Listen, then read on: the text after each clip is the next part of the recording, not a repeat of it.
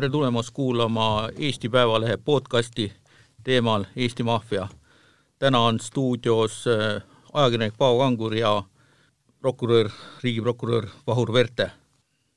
möödunud aasta üks paremaid kuritegevust analüüsivaid tekste ilmus viimases prokuratuuri aastaraamatus. riigiprokurör Vahur Verte ja Keskkriminaalpolitsei büroo juhi Aago Leisisulest. esimene meil on ka täna stuudios. Teie lahkel loal loen ette ühe lõigu sellest äh, aastaraamatust. männiku karjäärist ei pea suplejad ulpivate laipade vahel endale teed tegema ning Vabaduse väljakul suvel jäätislimpsides ei pea turistid pelgama plahvatavaid pomme. ometigi tegutseb ka praegu Eestis ligikaudu kakskümmend kuritegelikku ühendust. kus nad siis end peidavad ja ning millega tegelevad? Kes on need allilmategelased, kellega lugeja ajaleheveergude vahendusel tänasel päeval tutvust teha saavad? ja te, te lähete üpris konkreetseks selles materjalis, te annate kohad, kuhu ei maksa minna, inimesed, kellega ei maksa suhelda, sest ma kujutan ette, kui sa lähed mõnda sellesse punkti, ütleme, halva kuulsusega šašlõkibaari, et siis võib tekkida mingi probleem. Seda kindlasti mitte, et pigem see, pigem selle ülevaate, see on nii-öelda, kindlasti on tegemist ajakirjandusliku ülevaatega, et tegemist ei ole kohtukõnega, tegemist ei ole juriidilise tekstiga, vaid pigem on selline natukene võib-olla meelelahutusliku tooni ülevaatega Eesti orgkurjategevuse hetkeseisust. aga pigem selle ülevaate eesmärk oli näidata või noh, anda nagu aimdust sellest, et see Eesti organiseeritud kuritegevus, et tegemist ei ole linnalegendiga, tegemist ei ole millegiga, mis jäi sinna üheksakümnendatesse püsima ja ei ole täna enam meiega kaasa tulnud, vaid pigem siiamaani organiseeritud kuritegevus eksisteerib, need ka üheksakümnendatel aktiivsed kurjategijad on tänapäevani vähemalt osaliselt meie ümber, aga lihtsalt see viis, kuidas nad tegutsevad, kuidas nad end ülal peavad, et see on muutunud. et võib-olla ongi, et kui üheksakümnendatel kõik oskasid ennast hoiduda, hoida teatud vanalinna ööklubide eest ja juhul, kui seal ees olid niisugused natukene jõulisemad suurte kuldkettidega kapadressides härrased, et siis oli teada, et noh, sel õhtul ei tasu sinna klubisse minna, et siis täna enam nii-öelda seda nii-öelda töörõivastust neil ei ole, aga ometi noh, linnapildis, kui sa oskad vaadata, sa näed neid. kas see number kakskümmend on nüüd õige või see on nagu ülepaisutatud? see kakskümmend on see, mida siis politsei peadirektor Elmar Vaher on välja käinud, et Eestis tegutseb circa kakskümmend kuritegelikku ühendust, et ja sellest siis kuskil kaheksa on tema hinnangul need kõrgemalt, noh, enam ohtlikumad et kuritegelik ühendus äh, ei ole maffia, et see on kohe vaja selgeks teha, et maffiat kui sellist Eestis ei ole, ei ole kunagi olnud ja ei ole. et küll, et maffia väga selgelt nii-öelda Itaalia ajalooline nähe, et Eestis on organiseeritud kuritegevus ja organiseeritud kuritegevus Eestis siis sisuliselt on nii-öelda eripalgeline, et üks on see, et kui me võtame selle karistusseadustikus selle juriidilise äh, mõiste, siis piisab sellest, kui sul on vähemalt kolm isikut, kes on moodustanud püsiva struktuuri e-, ja to-, kokku tulnud siis selleks, et panna üheskoos toime äh, rohkem raskemaid kuritegusid ja teenida siis ka noh, seeläbi siis kriminaalset tulu. et siis selliseid kuritegelikke ühendusi jah, Eestis on, ma usun, et kahekümne kanti, et ilmselt siis Elmar Vaher teab seda hetkeseisu paremini äh, Keskkriminaalpolitsei ja Riigiprokuratuur tegeleb eeskätt nende enamohtlikumatega ja. Läbi käivad nimed Aseri, Keemerovo, Setseenid, siis veel üks vene grupeering, siis on aastaid läbi käinud sõna Marbella ja Marbellas peituvad Eesti kuritegel-, tegijad või puhkavad kuritegijad. no kuidas öelda, et äh, kõik need nimed on käinud läbi nii politsei enda politseilehes juba paarid aastat tagasi, needsamad nimed, needsamad kohad, grupeeringute nimed on läbi käinud ka meedias alates üheksakümnendatest, et mingi aeg loomulikult toimuvad niisugused väiksed muudatused, aga need nimed on, ma usun, noh, politseinikele kui ka ma usun, et ka lehelugejatele ikkagi teada ja tuntud juba paarkümmend, kolmkümmend aastat kas nad aastal, aastani kaks tuhat kuusteist olid siis Nikolai Tarankovi alluvuses või koordineerimises ja praegu on nagu isevoolu liikuvad jõud? seda, mis rolli Nikolai Tarankov mängis või evis, et seda, sellele on keeruline vastata, et Nikolai Tarankov ei ole kordagi süüdi mõistetud kuritegeliku ühenduse juhtimises või sinna kuulumises, tema eluajal Tarnkovist äh, räägiti väga napilt, peaasjalikult kui räägiti, siis oli see meedia külgedel, aga kriminaalmenetlustes tunnistajate, kahtlustatavate suust Tarnkovi nime naljalt ei kuulnud. see olukord muutus natukene pärast kaks tuhat kuusteist aasta septembrit, et esimene kriminaalasi, kus mul endal avatumalt siis äh, kohtus soostuti ütlusi andma Tarnkovi tegevuse ja rolli osas, oligi võib-olla siis seesama Tarnkovi tapmise protsess, kus siis süüdistatav kirjeldas Tarnkovi rolli Eesti allilmas,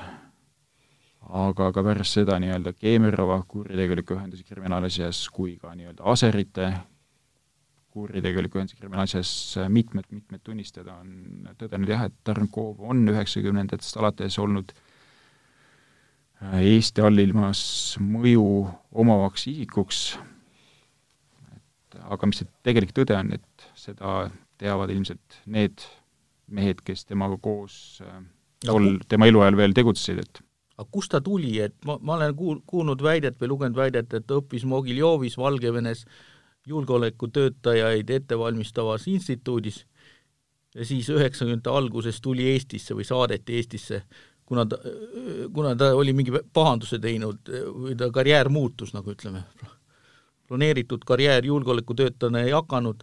algas karjäär nagu siin Eesti piirkonna brigadirina. siis te teate rohkem, kui mina tean, et, et ma olen sama asja meediast lugenud natukene vähem detailsemal kujul et mis ta tegelik äh, sünni- ja elulugu on, et äh, seda ma ei tea. et see on jäänud nagu saladuseks hoolimata, ega tema kohta vist rohkem kui A4 ei olnud nagu materjali? no selles mõttes, et siin on ka see koht, et äh, mis on prokuratuuri ülesanne, et prokuratuuri ülesanne on tagada, noh, juhtida ja tagada siis kriminaalmenetluse seaduslikkus. et prokuratuur ei tege-, noh, mina isiklikult ja ka prokuratuur ei tegele kellegi elulugude koostamisega, et selles osas noh, see ei ole mu tööülesanne siis Tarnkovi osas tema biograafiat koguda, et selles osas ma pigem ikkagi loen artikleid, loen neid raamatuid, mida te ise olete kirjutanud ja mida on siis teised autorid kirjutanud, et hoian nii-öelda silmaringi sealtkaudu siis avatuna. No me saame ka toetuda ainult nagu ütleme, kohtutoimikute materjalide lõpuks nagu et ega ise väga palju ju välja ei mõtle. aga kui sa ütled, et Eestis ei ole maffiat, siis needsamad tšetšeenid, aserid, kas nad alluvad äh, mingisugusele Moskvale, grusiinidele, kas see, see, see, see Venemaa liin jookseb siia sisse või ei jookse? sest Vene ma-, Vene maffiat kirjeldatakse suhteliselt sarnase struktuuriga, nagu kirjeldatakse Eesti maffiat mm. -hmm on Vene grupid, on Kaukaasia grupid. küsimus ei ole isegi võib-olla selles, et mis on see rahvuslik tausta, vaid äh, pigem võib-olla see arusaamad, mille najal siis Eestis tegutsevad kuritegelikud ühendused tegutsevad. ehk siis see van-, Vene vangla subkultuurist pärit äh, panjatjad. aga seda olukorda, noh, analoogset olukorda, nagu on siin äh, lõunanaabrite juures, et sul oleks üks osa organiseeritud kuritegevusest juhitud äh, Vene seadusliku varraste poolt äh, Eestis mulle teadaolevalt ei ole. ei ole kunagi olnud ja ka hetkel ei ole. et loomulikult äh, arvestades äh, nende ühenduse juhtide ja liidrite ajaloolist tausta, suhtlusringkonda, siis jah, suheldakse nii Vene kolleegidega, Läti kolleegidega, ka põhjanaabrite kolleegidega, aga sellist nii-öelda hierarhilist alluvust me ei ole täheldanud ühegi menetluse raames. aga kas fentanüülile on piir pandud, ei ole? kuidas öeldagi, et kui kaks tuhat seitseteist detsembris avaldasin lootust, et ajutiselt on piir pandud ja et noh, elu oli näidanud, et taolisi väikse, noh, lühiajalisi pause on ka enne ju toimunud, siis täna, kaks tuhat kakskümmend üks, sellest neli aastat liiguvad möödas, on jätkuvalt fentanüüli turg tühi Eestis. et jah, ka eelmisel aastal kokku, kui ma õigesti mäletan, kas vist kuues või seitsmes kriminaalasjas leiti või terves erinevaid fentanüüli, peaasjalikult karfentanüüli. aga need kogused võrrelduna seal mingi viie, kuue, seitsme aasta tagusega on marginaalsed, et pigem turg on kokku kuivanud ja sellisel kujul, nagu fentanüüli oli Eestis äh, kaks tuhat kaks kuni kaks tuhat seitseteist, äh, ei ole viimased neli aastat olnud. ja see väljendub ka tegelikult narkosurmade üle, noh, narko üledoosis põhjustatud surmade arvus, et kui siin veel kaks tuhat kuusteist, seitseteist oli see üledoosis põhjustatud surmade arv seal sada kümme pluss, siis mullu esimestel an-, esmastel andmetel oli see fent-, narkootiliste ainete üledoosis põhjustatud surmade arv seal alla kahekümne. Et sellist numbrit ei ole tuvastatud viimase kahekümne aasta vältel. kas on tulnud asendusained või on, ütleme, teie, teie töö olnud edukas? asendusaineid, asendusaineid on tulnud, aga mitte sellise ohtlikkusega, et küll on siin turul vahepeal liikunud sünteetilisi amfetamiine, osaliselt sünteetilisi fentanüüle, aga samas lahjemaid fentanüüle. aga see, see, et äh, fentanüüli tarvitajaskond on vähenenud, üledoosis põhjustatud surmade arv on vähenenud, ei ole üksnes politsei äh, töö, et seal väga suur osa on ka Tervise Arengu Instituudil ja nende erinevatel raviprogrammidel ehk siis need isikud, kes kaks tuhat seitseteist olid pärast selle fentanüüli turult kadumist, olid nii-öelda valiku ees, et kas nii-öelda hakata otsima kuskilt fentanüüli aseainet või minna ravile, et üks osa nendest läks kindlasti ravile ja on tänaseks ravi saanud, et selles osas see politsei ja prokuratuur tegelevad selle pakkumuse vähendamisega.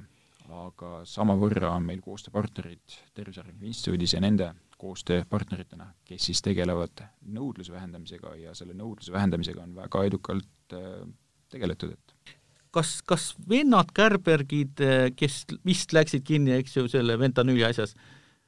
ja Juri Vorobei, kes tappis Nikolai Tarankovi, kas nad ne,, nemad moodustasid mingi ühe KTÜ või olid nagu sõltumatud või? Mm, ükski nendest nimedest ei ole kuritegeliku ühendusse kuulumises kunagi kahtlustust saanud ega veel vähem siis süüdistust saanud. et ähm, ei vennad Kerverid ega Juri Vorbei siis kuritegelike ühendustesse teadvalt ei kuulunud, küll aga siis äh, sedama Assar Pauluse kuritegelik ühendus mm,, siis äh, Aserite kuritegelik ühendus, Keemera kuritegelik ühendus, et need on küll siis äh, need kuritegelikud ühendused, mis äh, tegutsesid muuhulgas siis ka tulu teenimiseks, kriminaalse tulu teenimiseks ka narkokuritegevusega. et see on see, kuidas öeldagi, et äh, üks osa organiseeritud kuritegevusest kindlasti on liikumas või on liikunud juba sinna majanduskuritegude toimepanemisele, sest seal samamoodi liiguvad väga suured rahad, aga üks osa kindlasti tegutseb jätkuvalt edasi nii-öelda selleks, et teenida kriminaalset tulu narkokuritegevusest, väljapressimistest, katsupakkumisest. et ehk siis sama moodsat brändi, nagu oli üheksakümnendatel, et ka seal liiguvad väga suured rahad ja noh, risk on muidugi suurem, sest et äh, majanduskuride, majanduskuride toime pannud isikute äh,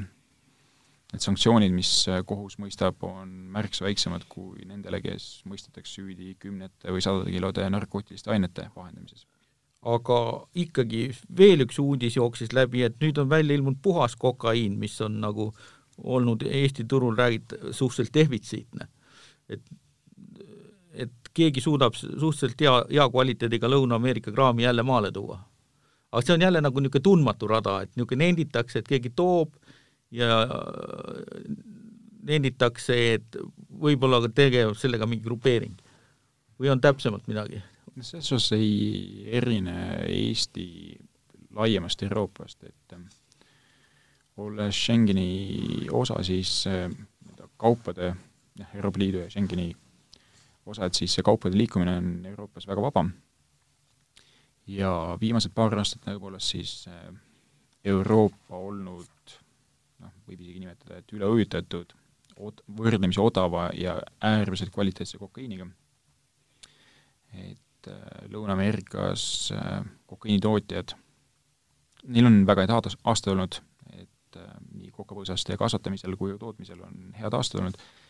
ja on avastatud, et Euroopa, keskmine eurooplane on maksejõuline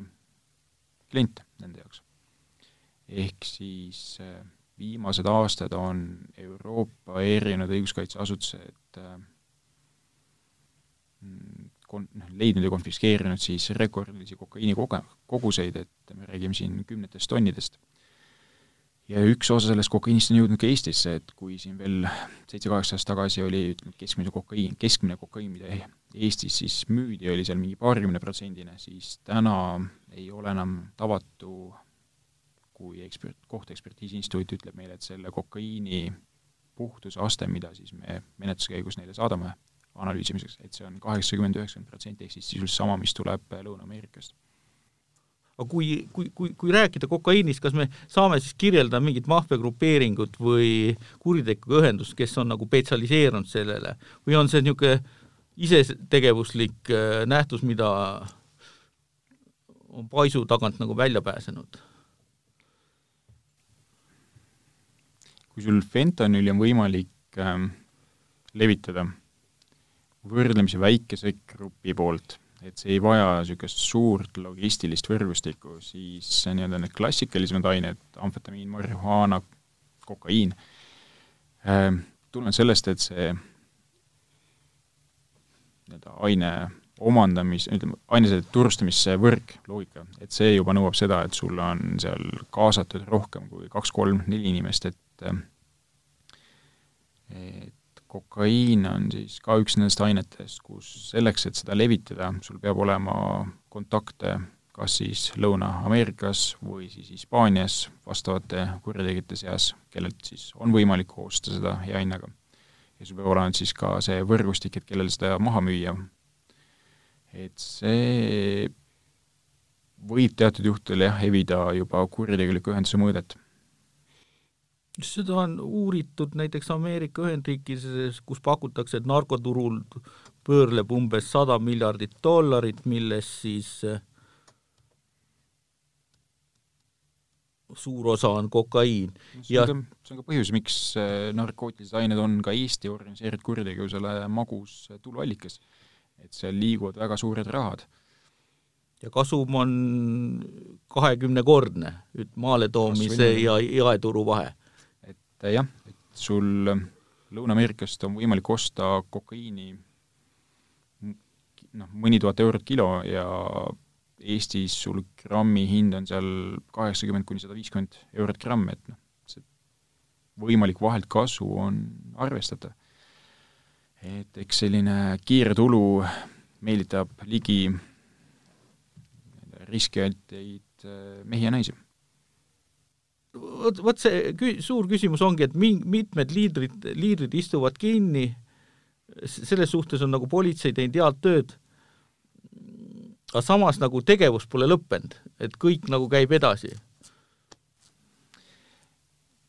kuidas öeldagi, et äh, neid uudiseid selle kohta, et üks ja teine kaalukas äh, isik on siis äh, kinni peetud, eks neid aeg-ajalt ikkagi meedias avaldatakse võib-olla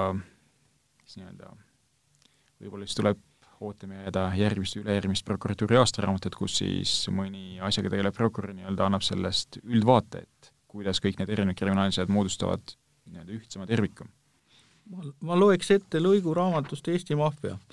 Nigeerias sündinud ja Rootsis narkoäri ees kinni istunud Mike Emilai saabus Eestisse tuhande üheksasaja üheksakümnendate aastate teisel poolel. peagi tutvus ta Dominikanis sündinud Joel de Lunaga, kes pidas Tallinnas omanimelist tantsukooli. see andis võimaluse luua suhteid paljude ilusate ambitsioonikate Eesti neidudega, kellele võidi teha ettepanek reisida eksootilisse Venezuelasse. Olga tutvus Tallinnas Maiki sõbra nigeerlase Johniga ja lootis leida eluarmastuse. koos käidi isegi hiinakas söömas ja sõideti esinema Pärnu grillfestivalile, kus Olga sai koos sõbrannaga laval suud maigutada. Olga silme ees virvendas suur armastus ja muusikaline karjäär taustalauljana. peagi sai ta ettepaneku sõita koos Johniga Venezuelasse puhkama. reis läks läbi Kopenhaageni, kuhu John talle vastu tuli ja, kus ööbiti ühe naise korteris. John lubas, et saab kohe ka oma piletid korda ja keelitas Olgat juba Venezuela, Venezuelasse sõitma. nii neiu tegigi ja peagi igale statsiooni oodates odavas ja räpases hotellis. kuid Johni valgel hobusel ei tulnud, me-, mees saatis Olgat lõbustama hoopis ühe mustanahalise sõbra. tüüp tegi välja mõne õhtusöögi, viimasel päeval ütles Johni sõber, et Maikile tuleb kott ära viia. Olga üritas keelduda sest ta enda kohver oli piisavalt raske. lennujaamas võttis Johni sõber Olga pileti enda kätte ja lausus, et tal on kaks valikut, kas jääda Venezuelasse või Maiki kott kaasa võtta. kotid anti check-in'is ära. üks episood. no kuidas öeldagi, et selle asja või selle kirjelduse moraal on see, et äh, narkokurjategija elu ei ole meelakkumine, et seesama asi, mitte sama asi, aga ütleme, et analoogne kirjeldus väga mitme tunnistaja poolt koorus välja ka näiteks keemiarõhu kuritegeliku ühenduse kriminaalises kohtus, kus äh, mitmed ja mitmed tunnistajad kirjeldasid seda, kuidas äh, nad olid sunnitud ühel hetkel siis Tallinnas tegelema narkootiliste ainete müümisega, nii-öelda tänavamüügiga. et, et, et kirjeldati põhjalikult seda, kuidas siis äh, Tallinna narkoturg oli sul ära jaotatud erinevate kuritegelike ühenduste poolt, käidi välja nii Keemerova kuritegelike ühenduse nimi kui ka Okunevi kuritegelike ühenduse nimi. Ja siis äh, nii-öelda tänavamüüja elu oligi see, et äh, müüd ainet, riskid politseile vahelejäämisega, riskid seal äh, konkurentide poolse karistusega, kui sa piisavalt seda tulu enda ülemustele ei too, noh, kuritegelike ühenduse vahejuhtidele, et siis riskisid nendepoolse karistamisega kui sa oma ülesandega liiga hästi hakkama said, siis hakkasid konkurendid sind äh, jälle tülitama, et loo moraal võib ollagi selles, et äh, nii-öelda kuritegevus ei tasu ära, et äh, ütleme, et heade autodega sõidavad eeskätt nende ühenduste vahejuhid ja neist ülevalpool olevad inimesed, et keskmine realiige või ühendusega, nii-öelda ühenduse heaks töötav, olgu siis sama, et tänavamüüjad, et nemad ikkagi elavad peost suhu ja peavad iga sekund oma elust ikkagi vaatama õla taha, et kes neid jälgib ja et mis neid homme ees ootab. no ma loen ühe lõigu veel siit. Tehnikaülikooli tudeng Aigel õnnestus vahele jäämata teha kaks narkoreisi. suurepärasest võimalusest maailma näha rääkis Aige ka oma sõbrannale Irenale ja nii oldi augustis juba koos puhkamas. ka Ira-, Irenale meeldis Kariibi mere rannik väga, ta tahtis saada veel meeleolukaid elamusi.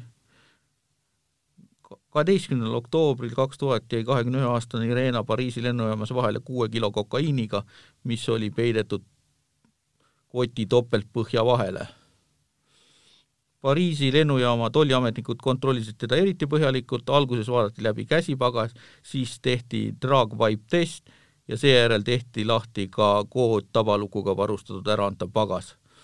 selle topeltpõhjas oli kolm pakki kokaiiniga. tavaline lugu, jah? kahjuks küll. et ähm, kas siis kasutatakse ära hätta sattunud või lihtsalt naiivseid inimesi, või sul on ka see, et kui sa valedele inimestele võlgu jääd, siis seatakse neile lihtsalt fakti ette, et selleks, et võlg tasutuks loetakse, pead sa tegema ühe tööotsa ja see tööots ei ole see, et sa lähed kellegi juurde puid lõhkuma või lumest teed puhtaks lükkama, vaid see tööots eeskätt seisneb selles, et sa pead kas narkootilist ainet peitma, vedama, laiali jaotama. Et siinsamas kuu-kaks tagasi Harju maakohtus ühe kriminaalasja raames. üks üheksakümnendatest pärit pigem siis nii-öelda tol hetkel, keda siis tituleeriti kriminaalse autoriteediks, ka üks härrasmees pöördus tema poole abi saamiseks ühe võla küsimuse lahendamisel, toimus Veisivärava grilli juures mitu kohtumist siis selle võlgniku ja tema siis nii-öelda võlausaldajate vahel, ja see võlgnik oli siis selle üheksakümnendatest pärit noh, kriminaalautoriteedis endal kaasa võtnud, et see aitaks tal seda võlaküsimust läbi lahendada või noh, ära arutada ja päädis see siis sellega, nii nagu see tunnistas, rääkis kohtus, et seati fakti ette, et, et, et hüva, et võlgus enam ei ole, aga see viimased kaks, küsimus oli kaheteistkümnes tuhandes euros, et hüva, et kaksteist tuhat eurot sult enam ei nõuta, aga et sa pead maksma kaks tuhat eurot, kui sul seda maksta ei ole ja mida tal maksta ei olnud, et sa pead eh, tarnima, noh, vedama siis eh, peidikust kokaiini eh, nii-öelda ümberkakjate juurde ja hiljem siis tagasi erinevatesse peidikutesse, et siis loeme su võla tasutuks. Ja noh, tegemist oli jälle ühe sellise pakkumisega, millest on väga-väga raske keelduda, et see tunnistaja kirjeldas võrdlemisi värvikalt seda, kuidas ta kartis oma elu eest, et arvestades selle isiku tausta, ka kriminaalset tausta, et tapmise eest karistatud, äh, et, et, et äh, väga raske on ei öelda. et sul ei ole nagu mi-, muid, muid teid, kui pakkumine vastu võtta? jah, ja riskida siis sellega, et riski siis sellega, et sa jääd siis noh, paremal juhul jääd politseile vahele ja halvemal juhul siis äh, satud nii-öelda nende konkur-, nii-öelda jutumärkides konkurentide haardesse ja viiakse no,, toimub sinuga siis vestlus kuskil äh, Tallinna lähistel karjääri kaldale. kuhu siis on arenemas Eesti kuritegelikud ühendused, et mis, millised on nende uued töösuunad ja kas nad lähevad ohtlikumaks äh,, agressiivsemaks, projektipõhisemaks? Et eks seda näitab tulevik, et kuhu see organiseeritud kuritegevus Eestis liikumas on, et äh,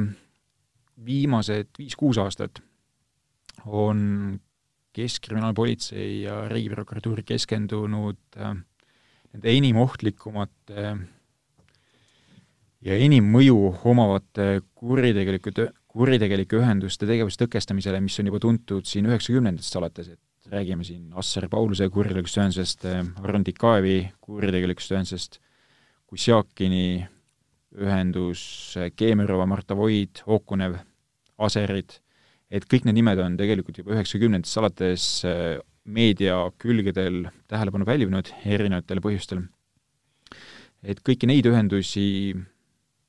jah, tinglikult siis võib äh, iseloomustada kui Vene vangla subkultuuri äh, neid panjatjasid järgivaid, järgivateks siis ühendusteks, mis, millel on ka tuvastada niisugune hierarhiline struktuur, et sul on juht, tema parem käsi, niisugused vahejuhid, brigadirid, lihtliikmed, võib-olla mõned on siis spetsialiseerunud liikmed, kes seal tegeles raamatupidamisega, kes oli osavam rahapesus, aga ütleme, et see põlvkond, see põlvkond on möödumas, et et, et, et kui siin need mit-, kui mitmedki need ühenduse liidrid on siin juba pea kuuekümnesed ja peale on kasvanud uus põlvkond, siis uus põlvkond tegutseb teistmoodi, et et noh, narkokuritegevus äh, väljapressimised, eks need jäävad nii või teisiti. aga rohkem ja rohkem oma töös kohtame ühendusi, mis siis äh, lõviosa oma kriminaalsest tulust siis üritavad haugata majanduskuritegusid äh, toime pannes äh,, olgu siis maksud äh,,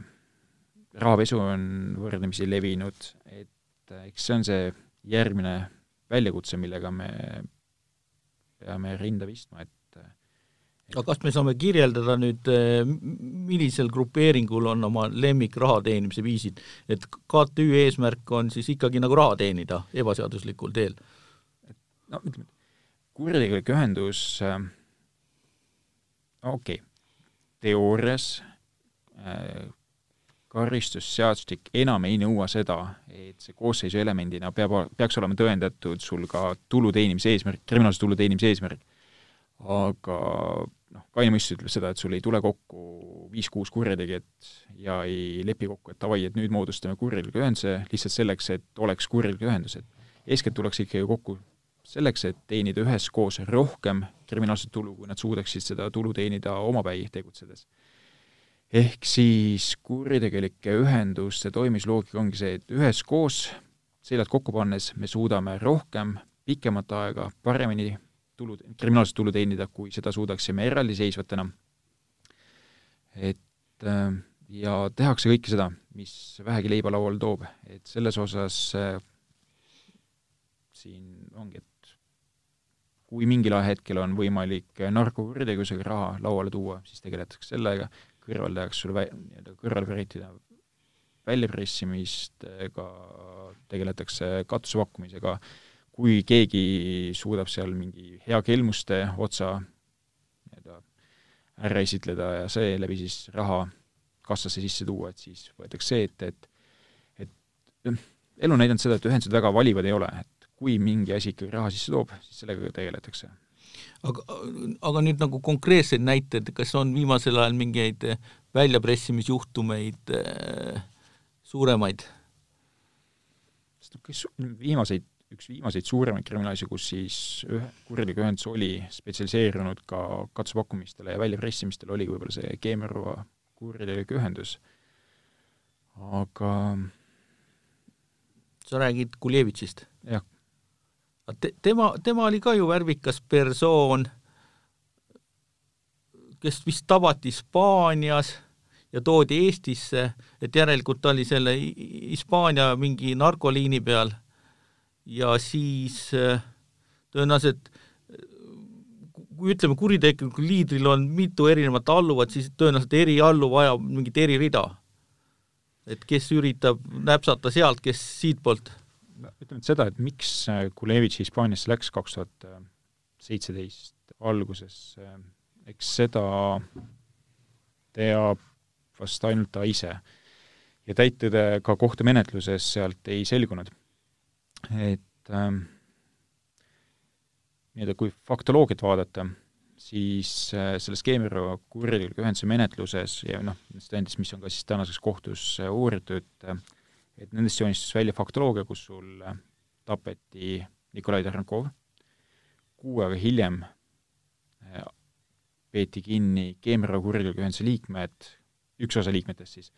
kes äh, olid asunud siis aktiivselt hankima tsiviilkäibes keelatud tulirelvi, seejärel mõni kuu hiljem tapeti Lauri Merima Tallinnas ja seejärel siis vahetult pärast seda juba siis ka lahkus äh, Kulevitš Hispaaniasse. jällegi, et ise ta väitis kohtuistungitel, et äh, ta, ta on algusest lõpuni eitanud seda, et tema näol oleks tegemist kuritegeliku ühenduse liidriga või et ta üldse kuritegeliku, kuritegevusega oleks tegelenud, et nende endi sõnul siis, mida nad kohtus siis äh, lõpuni ka kinnitasid, et tegemist oli sõpruskonnaga, kes käis koos siis lihtsalt teed joomas ja jalgpalli mängimas. ja Kulevitš ise enda sõnul läks Hispaaniasse järjest selle tõttu, et tal tervis noh, vanusest tingitult ja tahtis lihtsalt äh, konte puhata. konte puhata paremas kliimas. see, see, et ta niimoodi kuidagi ajaliselt äh, langes kokku seal Lauri Merimaa tapmisega ja Nikolai Tarnkovi tapmisega, et äh, et see on nii-öelda siis prokuratuuri äh, poolne tõe väänamine või nii-öelda asjaolude lihtsalt niisugune kunstlik kokkupanek. Merimaa oli Kuljevitši alluv, jah? Äh, kahtlustuse kohaselt küll, et äh, Merimaad kahtlustasime äh, Keemia kuritegelike ühendusse kuulumises, aga tõukuvalt sellest, et selleks hetkeks, kui me jõudsime selle Keemia kuritegelike ühenduse kriminaalasjaga sellesse faasi, et hakkasime äh, Äh, nendele liikmetele süüdistuse esitamist, selleks hetkeks oli Merimaa tapetud, et tema osas siis menetlus lõpetati seoses isiku surmaga. ja Merimaa tapmisest läksid kinni vennad Kruusimägid. Kruusimägid, eks ju. ja siis järgmine etapp oli vanglas, oli konflikt Kuljevitši ja Kruusimägigi vahel mm.. ajakirjandus kirjeldas seda episoodi. kuidas seda nüüd tõlgendada, see on ikkagi sellesama arengu järgmine selles mõttes seda ei tea, sest äh, teatavasti pärast seda on siis ka Kulevitš ise teist korda süüdi mõistetud, äh, kuivõrd ta keeldus äh, andmast kannatanuna ütlusi selle äh, löömise asjaolude kohta,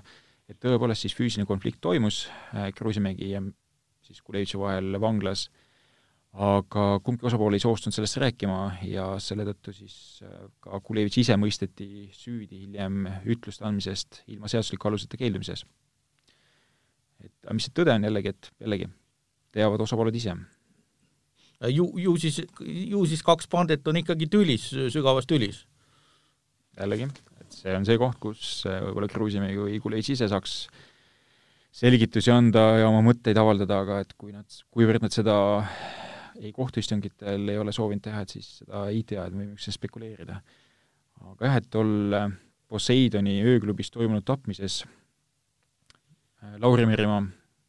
nüüd nimeks Lauri Juha, keda siis tõepoolest siis kahtlustasime kuuluvat Keemra kuritegelikku ühendusse. tema siis tapeti ähm,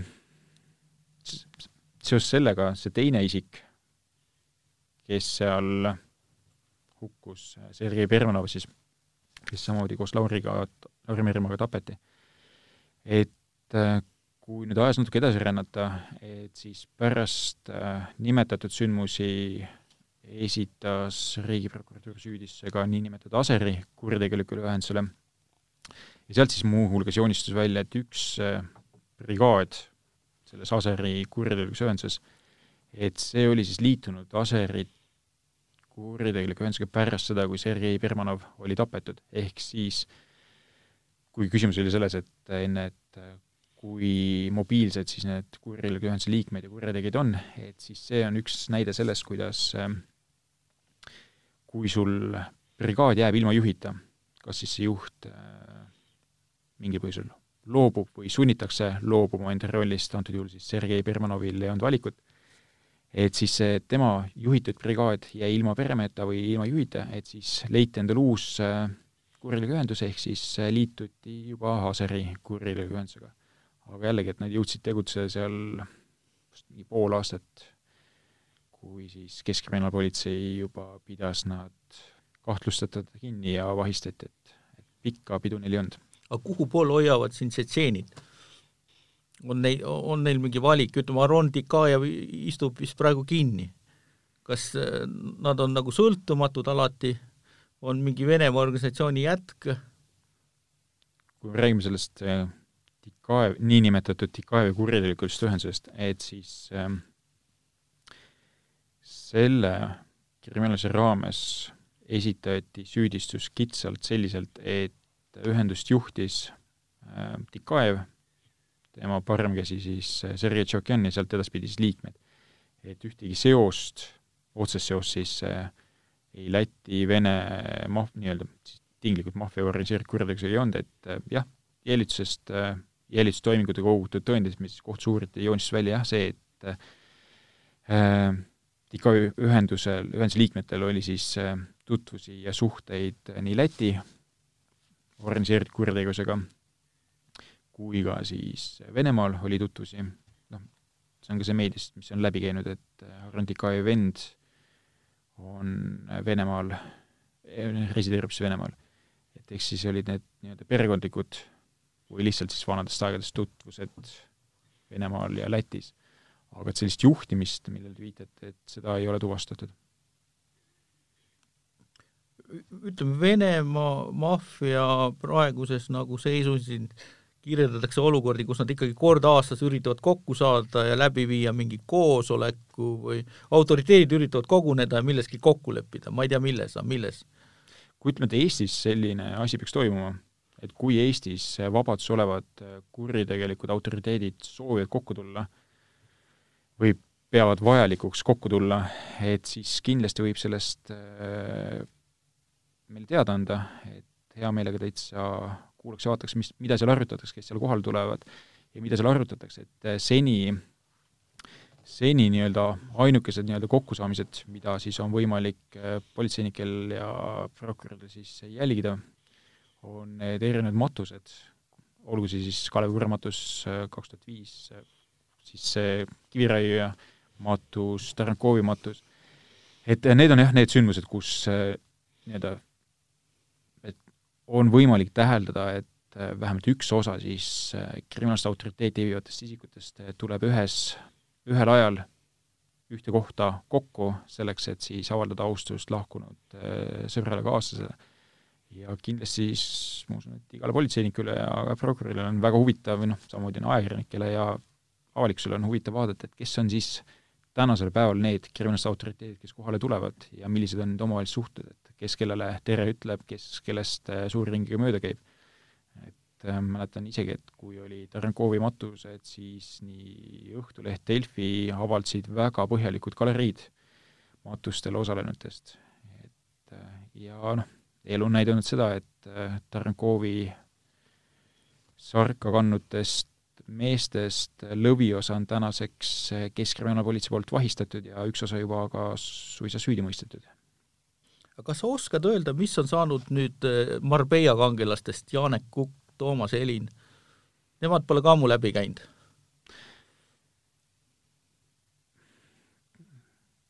jah, et see on see on see koht, kus äh,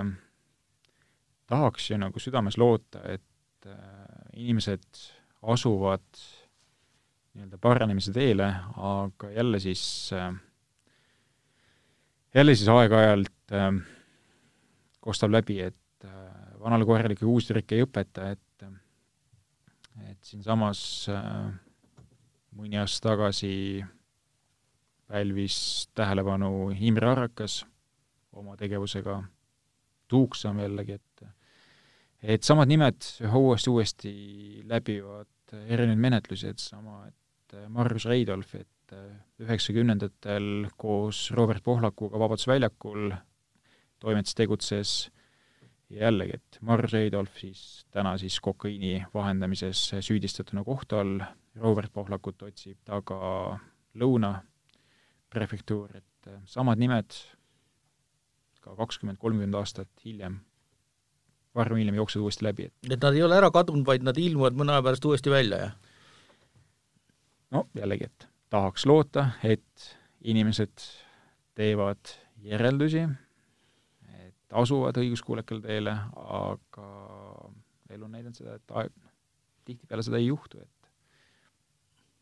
või on neil niisugune enesepuhastuse maailm, nagu me filmidest teame, lihtsalt nad lasevad üksteist maha nagu aeg-ajalt. osad on kinni, osad lasevad maha, osad kasvavad peale. et see suurem, suurem, suurem nii-öelda harvendamine toimus ikkagi üheksakümnendatel, et et, et, et need, kes üheksakümnendad, verised üheksakümnendad siis üle elasid,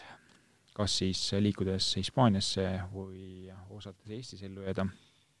et need on ikkagi tänaseni valdas enamus elus ja